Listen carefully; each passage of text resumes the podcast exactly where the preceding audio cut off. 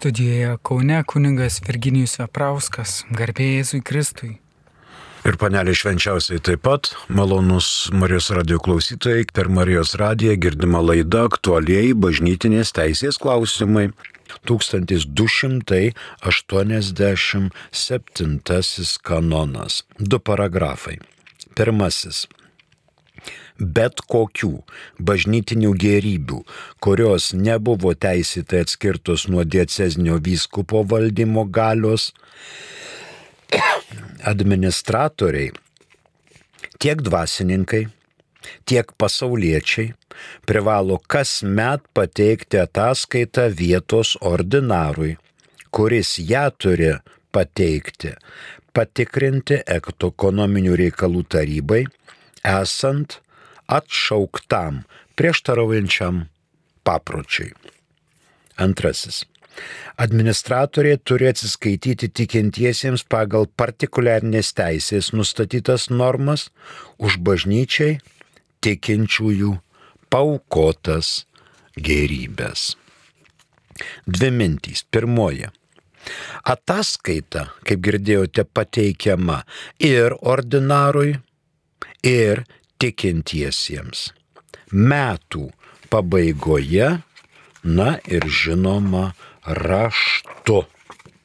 Ne žodžiu, bet raštu. Į pagalbą ateina 37 kanonas. Administracinis aktas skirtas išoriniai sričiai turi būti raštiškas. Jei administracinis aktas išleistas pavedimu forma, jo įvykdymo aktas taip pat turi būti raštiškas. Na ir žinoma, bet koks priešingas paprotys yra negaliojantis. Mums gali ateiti į pagalbą, žinoma, ir penktasis kanonas. Šiuo metu galiojantys tiek visuotiniai, tiek partikuliariniai papročiai, prieštarojantys šių kanonų nuostatams ir šio kodekso kanonų atšaukimi, atšaukiami, yra visiškai panaikinti ir neleidžiama jų atnaujinti ateityje. Panaikintais laikomi ir kiti, nebent kodekse aiškiai būtų nustatyta kitaip, arba šie papročiai būtų šimtmetiniai ar netmenamų laikų. Pastarieji gali būti toleruojami, jei ordinaro sprendimu jų neįmanoma pašalinti dėl vietos ir asmenų aplinkybių. Antrasis paragrafas penktajame kanone išlieka iki tol galiojantys tiek visuotiniai, tiek partikuliariniai papročiai esantys už teisės ribų. Už teisės ribų. Reiškia, niekas priešingas paprotys šiems kanonams negalioja. Institutai ir draugijos kompetitingai valdžiai yra atskaitingi, žiūrint, kas juos skyrė, tuos institutus ar draugijas. Į pagalbą ateina 312 kanonas. Galime jį ir visą perskaityti. Kompetitinga valdžia įsteigti viešasias asociacijas yra šventasis sostas visuotinėms ir tarptautinėms asociacijoms, vyskupų konferencija savo teritorijoje nacionalinėms asociacijoms, tai yra toms, kurios pačių įsteigimų skirtos veikti visame krašte. Dieceznis vyskupas bet ne vyskupijos administratorius savo teritorijoje viskupijos asociacijoms, tačiau išskyrus tas asociacijas, kurių įsteigimo teisė paštalinė privilegija yra rezervuota kitiems. Asociacijos ar vieno jos skyriaus galiojančiam įsteigimui vyskupijoje, net jei tai vyksta paštalinės privilegijos gale, reikalingas raštas duotas diecezinio vyskupo sutikimas. Tačiau diecezinio vyskupo duotas sutikimas steigti vienuolinio instituto namus galiojo taip pat ir to instituto savos asociacijos steigimui tuose namuose ar prie jų prijungtoje bažnyčioje. Čia 3.12. Ir pasakė, kam, kam ataskaitingi tiem, kas skyrė. Dar mums rūpi 319 kanonas. Taip pat yra keli paragrafai. Pirmasis. Jei nėra nustatyta kitaip, teisėta įsteigta viešoji asociacija pagal statuto normą administruoja turimas gerybės, paklusdamas mums girdėtam 312. Nurodytos bažnytinės valdžios, kuriai kasmet privalo pateikti administravimo ataskaitą aukštesniam vadovavimui. Tai yra ataskaita, tas atskaitingumas. Antras.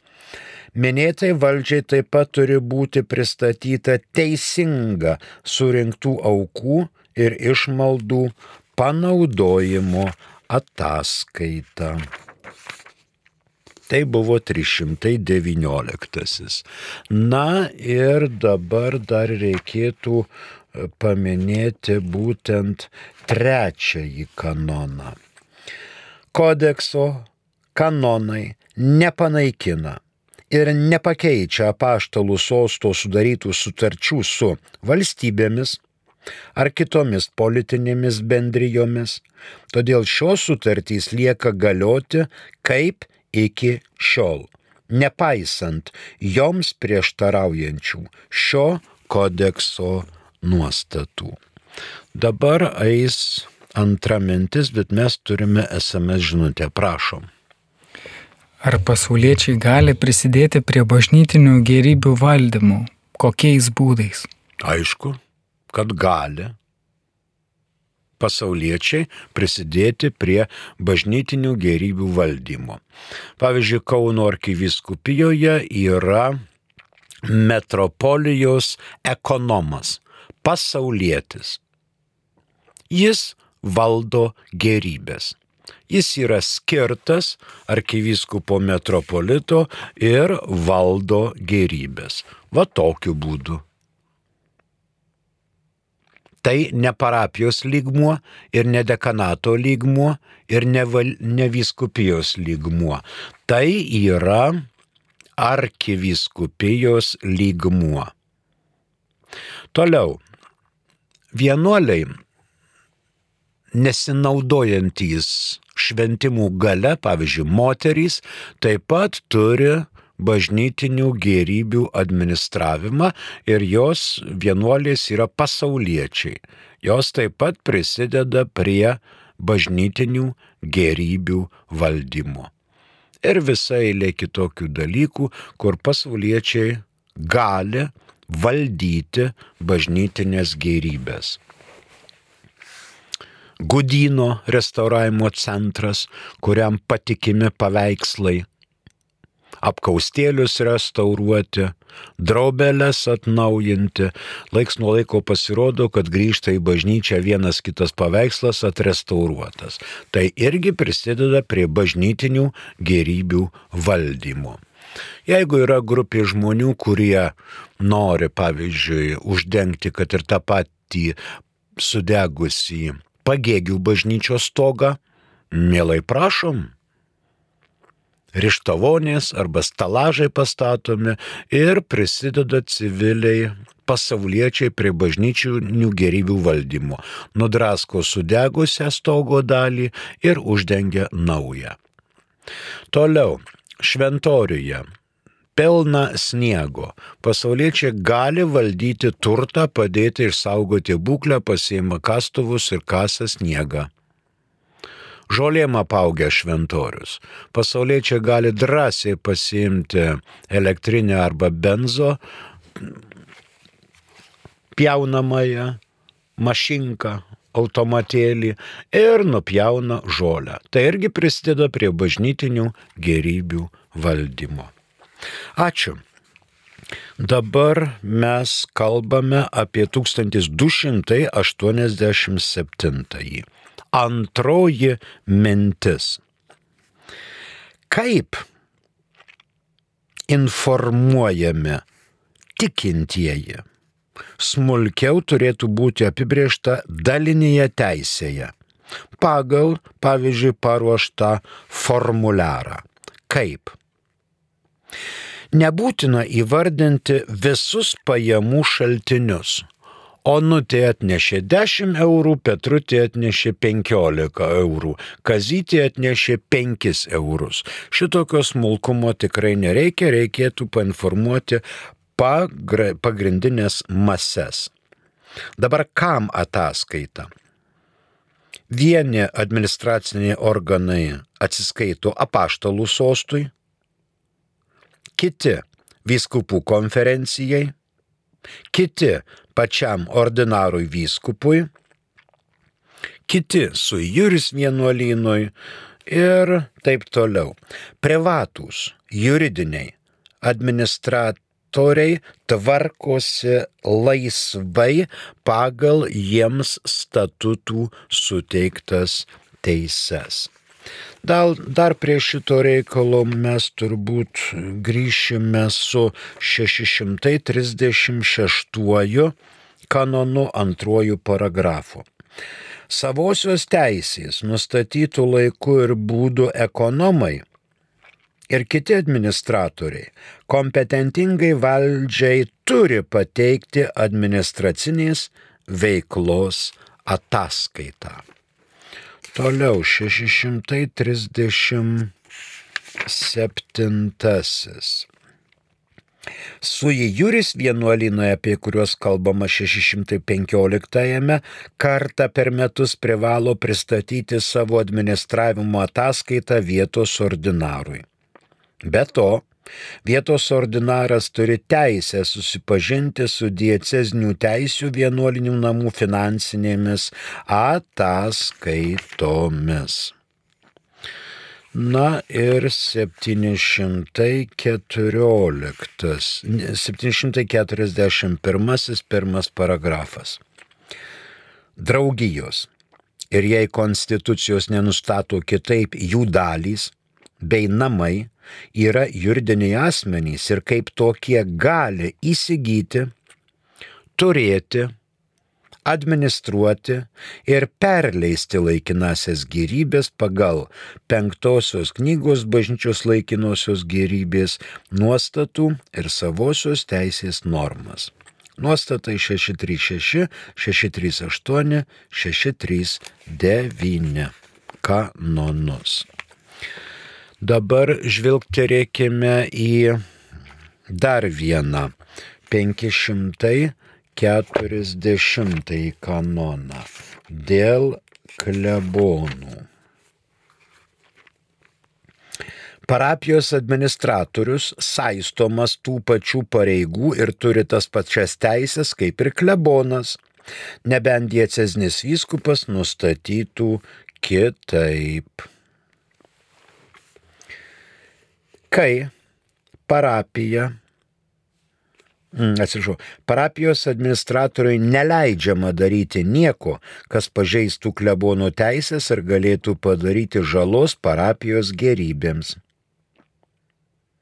Parapijos administratorius įvykdęs įpareigojimą turi atsiskaityti klebonui. Na ir 325 kanonas. 325.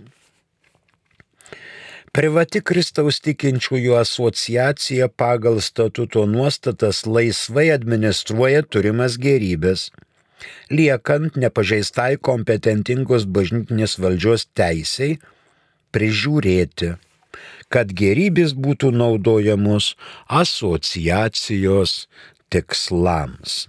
Ir antrasis, ji paklūsta vietos ordinaro valdžiai pagal 1301 kanono normą, tiek kiek yra susijusi su pamaldės tikslams dovanotų ar paliktų gerybių administravimu ir panaudojimu. Rytų kanonuose atitikmuo 1287 yra 1031. Mus pasiekė esame žinutė, prašom. Rašo valė garbėzui Kristui. Ramžius. Parapijoje turėtų vadovauti klebonas, bet ne visi vadovauja. Kas tada turėtų vadovauti, jeigu ne klebonas? Aha, geras klausimas. Turėtų vadovauti klebonas. Bet ne visi vadovauja. O tai kas vadovauja tada parapijai? Šeimininkė, vargonininkė, zakristijonas. Kunigas šventimų gale mm, gavo, taip sakant, tres munerą, e, tre, trejopą galę - mokyti, šventinti ir administruoti. Ir klebonų gali tapti tik tai kunigas, kuris moko, šventina ir administruoja arba valdo. Jeigu taip nėra, turėtų pasiekti tokios parapijos ganytojas, dekano ausis ir dekanas turėtų susirūpinti, kodėl klebonas nevadovauja. Kodėl klebonas nevadovauja? Ačiū. Kitas klausimas. Aleksas iš Prienų klausė, teko girdėti, kad klebonai kilnojami kas penkis metus, kodėl kai kuriems kunigams taikoma išimtis.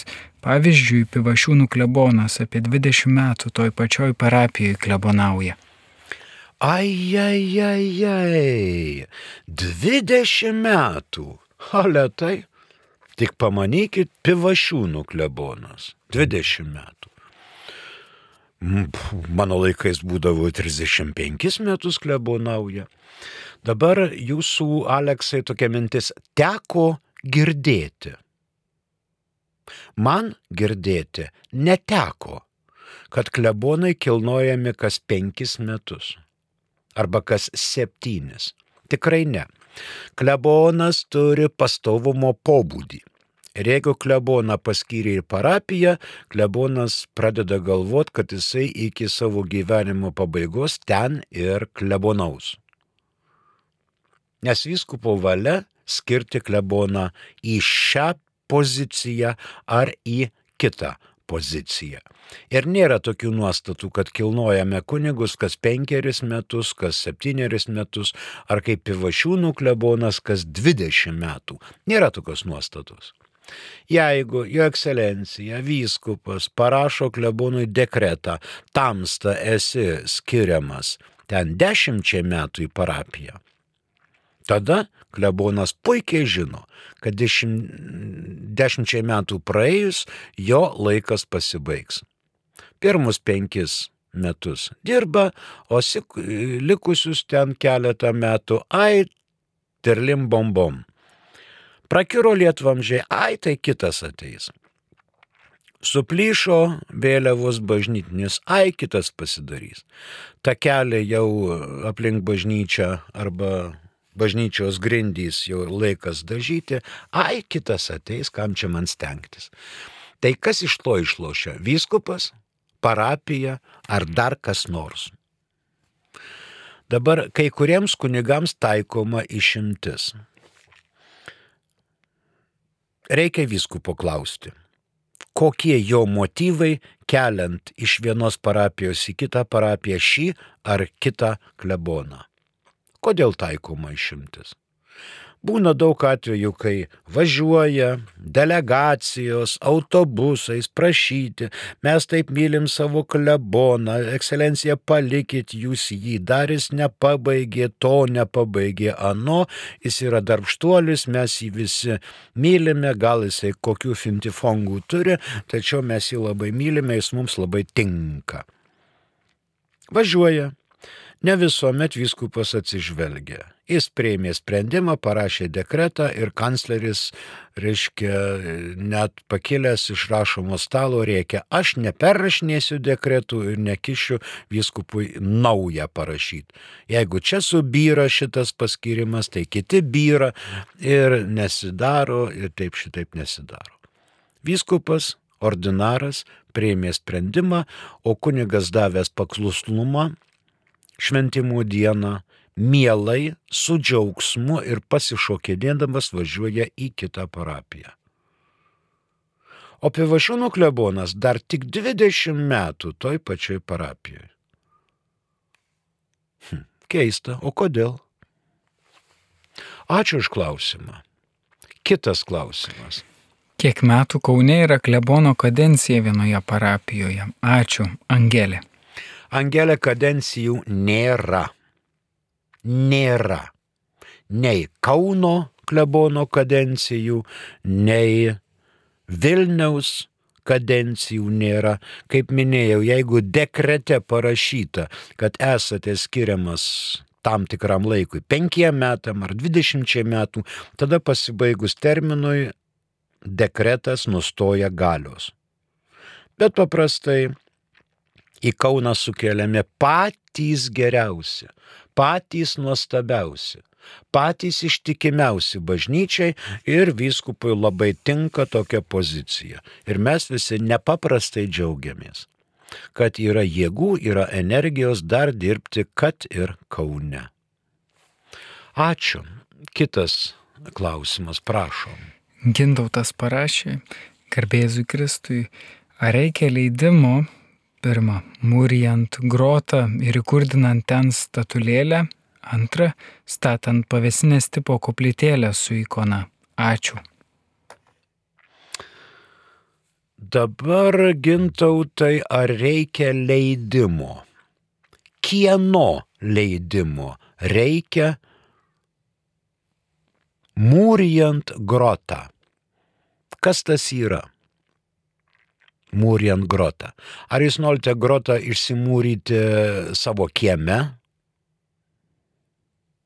Ar įkurdinant ten statulėlę kokią šventą? Tai leidimo jokio nereikia. O dabar statant pavyzdžiui koplytėlę su ikona. Kur? Kur statant? Koplytėlės ikona. Klebonas išvažiavo atostogų, grįžta žiūri, jau šventoriuje yra koplytėlė su ikona. Spėkit iš trijų kartų jo reakciją. Niekas nieko nesakė, susirinko kaimo vyrai, pastatė koplytėlę. Kodėl? Kokią koplytėlę? Kas ten vaizduojama? Kokia ten ikona? Kokia ten stovyla ar statula, ar ta koplytėlė atitinka bažnyčios kanonus. Čia daug klausimų. Jeigu norit šventoriuje, tai geriau pirmiausia apeikit, pažiūrėkit, ar tvora šventoriaus gera.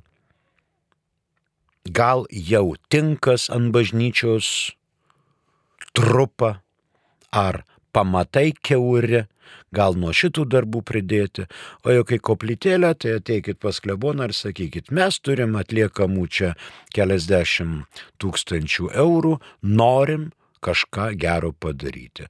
Ir konsultuojatės su klebonu, ką jis pasakys. Ačiū gintautai. Toliau, prašom. Valė parašė šventosios dvasios dovanos Kokios tai dovanos, ką sako šventoji dvasia kiekvienam, kaip suprasti?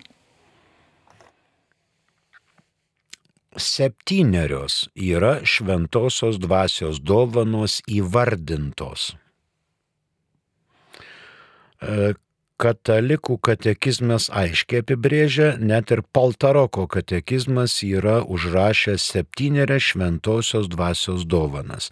Prieš rimtesnius dalykus, prieš atlaidus ir e, per santoką gėdama giesmė apie šventosios dvasios dovanas.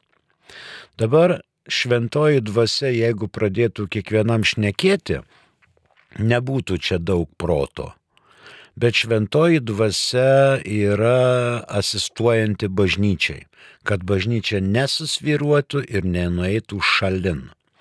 O šventoji dvasia dovanas teikia kiekvienam tokias, kokių kiekvienam reikia. Jeigu pradės žmogus sakyti kaimynui, o kad tu nuskradžiai žemę, kad tu prapultum, kad tave žaibas trenktų ir panašiai. Šventa dvasia tokio žmogaus širdyje neturi ką veikti. Šventa dvasia veikia per sugrūdusią širdį, per nuolankę širdį, per besimeldžiančią širdį ir ypatingai tyloje, kai žmogus derina dešimties Dievo įsakymus penkis bažnyčios įsakymus su savo teisingai suformuota sąžinė ir gyvena malonėje, o ne nuodėmėje. O dabar kaip suprasti? Ką suprasti kaip? Paskaitykite šventąjį raštą. Nuoširdžiai. Ten šventos dvasios įkvėpimų yra daug. Ir paskaitykit, kai atsiranda kokie atvejai, Ir tada iškart šventa dvasia atsiranda čia pat. Tas klasikinis pavyzdys. Šventas Juozapas nusprendė tylomis Mariją atleisti, kaip po neščią moterį, o čia buvo ne Juozapo darbas, ir jis prieimė sprendimą atleisti tylomis Mariją. Be fanfarų, be triukšmo, ramiai, eik mergaitė, gyvenk su tuo, su kuo sugyvenai tą vaikelį ir aš tau nedarysiu kliūčių ateičiai tavo šeimai.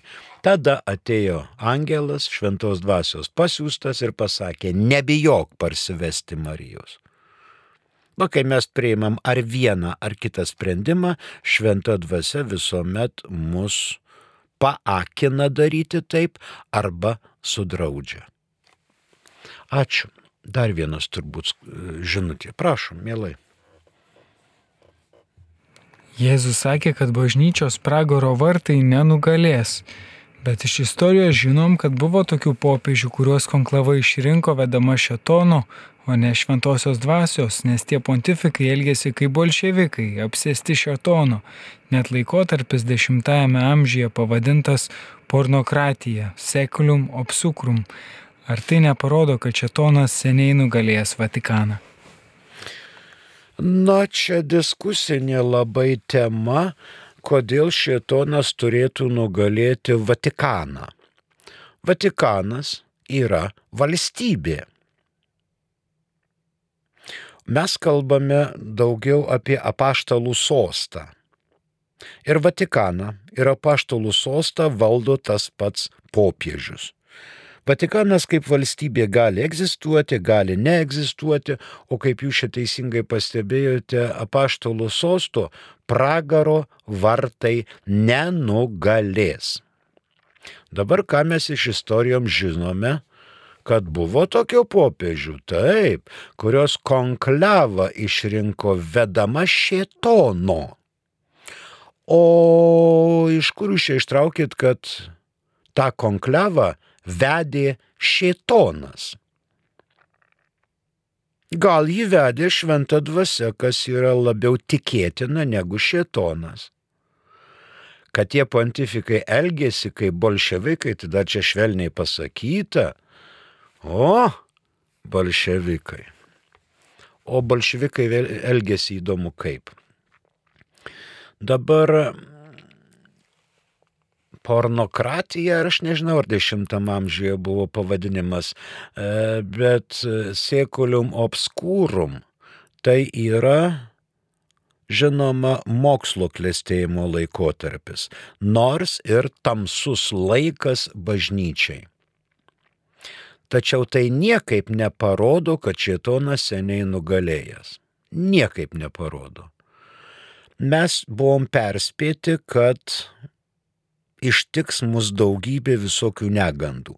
Neseniai šventėme Švento Ignaco Lojolos dieną.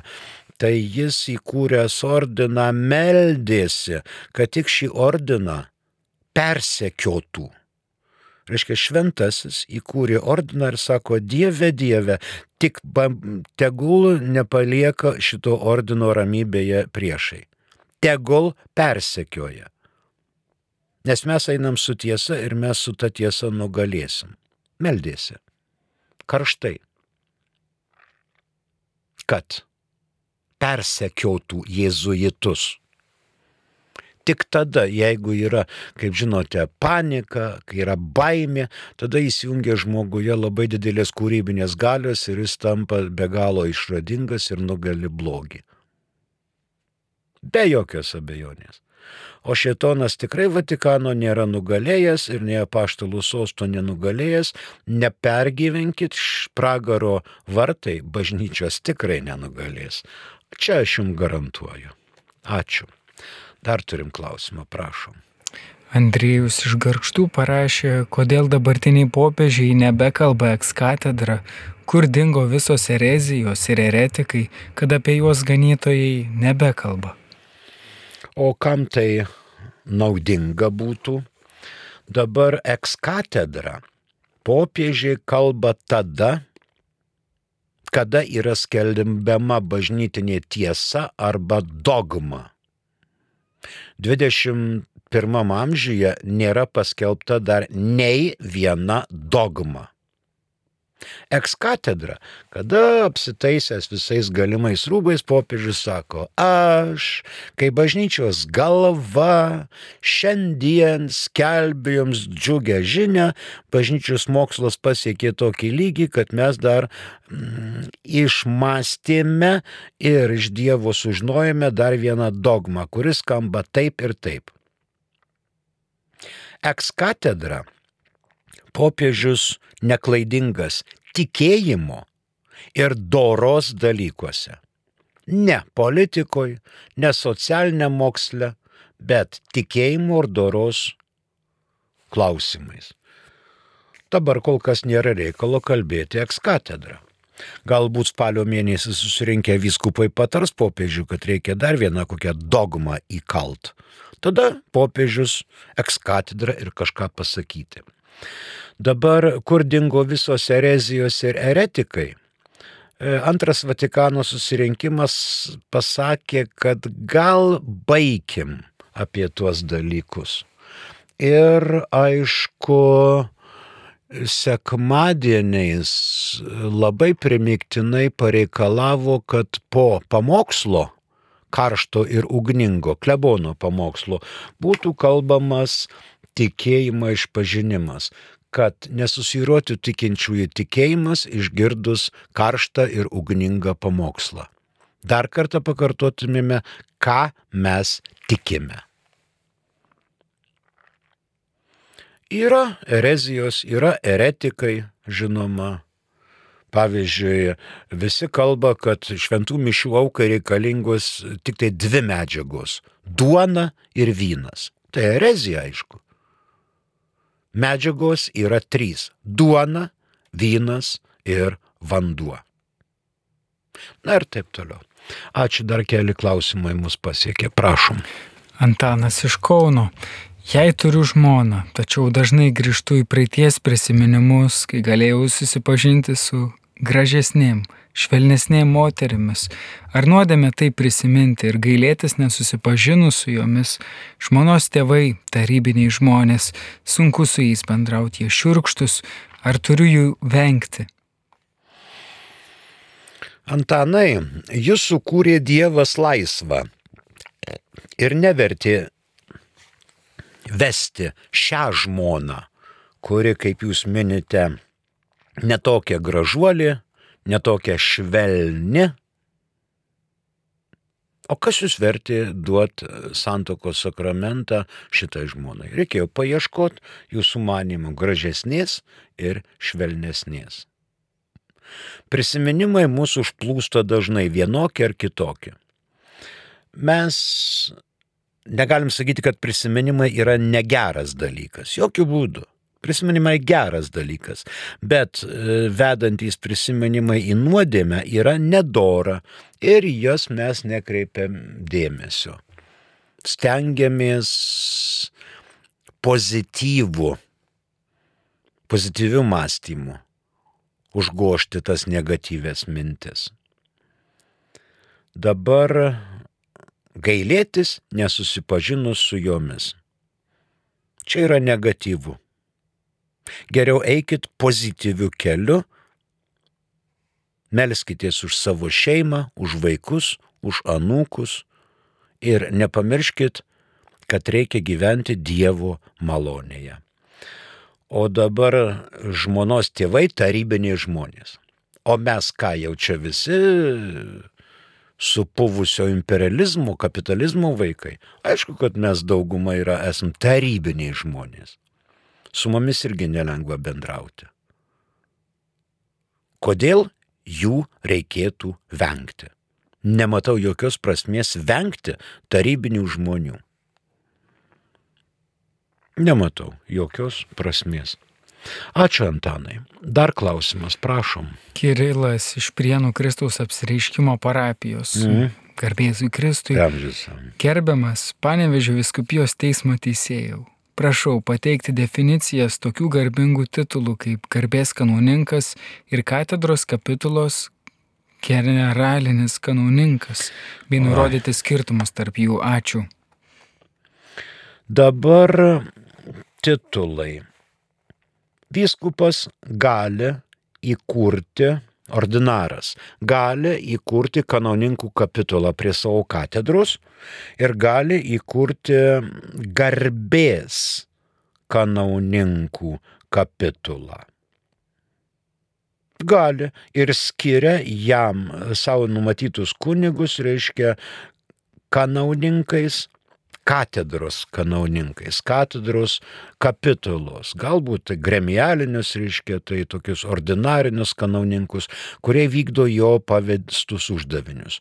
Kiti, kurie taip pat yra nusipelnę, bet neturi e, neturi vietos, pavyzdžiui, skiria vyskupas septynis, devynis ar dvylika kanauninkų, o dar yra du, trys, penki, kurie labai tiktų šitom pareigom, bet vietos užimtos. Tada skiria garbės kanauninkus. Tai va, reikia skaityti kiekvienos viskupijos kanauninkų kapitulos statutus kokie uždaviniai jiems pavedami. Kokie uždaviniai katedros kapitulai, kokie uždaviniai garbės kanauninkams. Ačiū Kirilai. Na ir dar turime klausimą, prašom. Jei Jėzus suteikia galę paštalams atleisti nuodėmes, ar tai reiškia, kad jau jis pats nebetenka galios tiesiogiai, be kunigų išklausyti iš pažinčių ir suteikti išrišimą, jei jis save pribojo tarpininkais? Betgi Dievui nėra negalimų dalykų. Kodėl protestantams nereikia tarpininkų, juk jie neblogesni krikščionys už katalikus ar pravoslavus, o Dievas nėra neįgalusis, kad jam reiktų tarpininkavimo pagalbos. Visiškai sutinku, Dievas nėra neįgalus. O kam jam užsiminėti atleidimu, jeigu jisai paskyrė apaštalus, o apaštalai savo padėjėjais? Kunigus. Apaštalai gali uždrausti kunigam klausyti iš pažinčių ir gali pasakyti, ateikite tik pas mus iš pažinties, nes kunigas negali duoti išrišimo. Ar tai būtų protinga? Bet viskupai suteikė kunigams šventimus, kad šie galėtų imti ir aišku atleisti nuodėmės. Kam atleisite nuodėmės, tiem jos bus atleistos, kam sulaikysite, sulaikytos. Tai visiškai nereiškia, kad jis neturi galios tiesiogiai be kunigų atleisti nuodėmę suteikti išrišimą. O kam jam tiesiogiai, jeigu tam yra paruošti pašventinti asmenys, kurių pareiga klausyti iš pažinčių. Įvardink nuodėmes ir jas apgailėk. E, čia, žinot, galime dabar ilgiau šnekėti, bet mums rodo, kad pasibaigė laikas ir aš su tom gražiom mintim dėkodamas jums už klausimus pabaigsiu. Prie mikrofono dirbo kunigas Virginijus Veprauskas, ačiū ir sudė.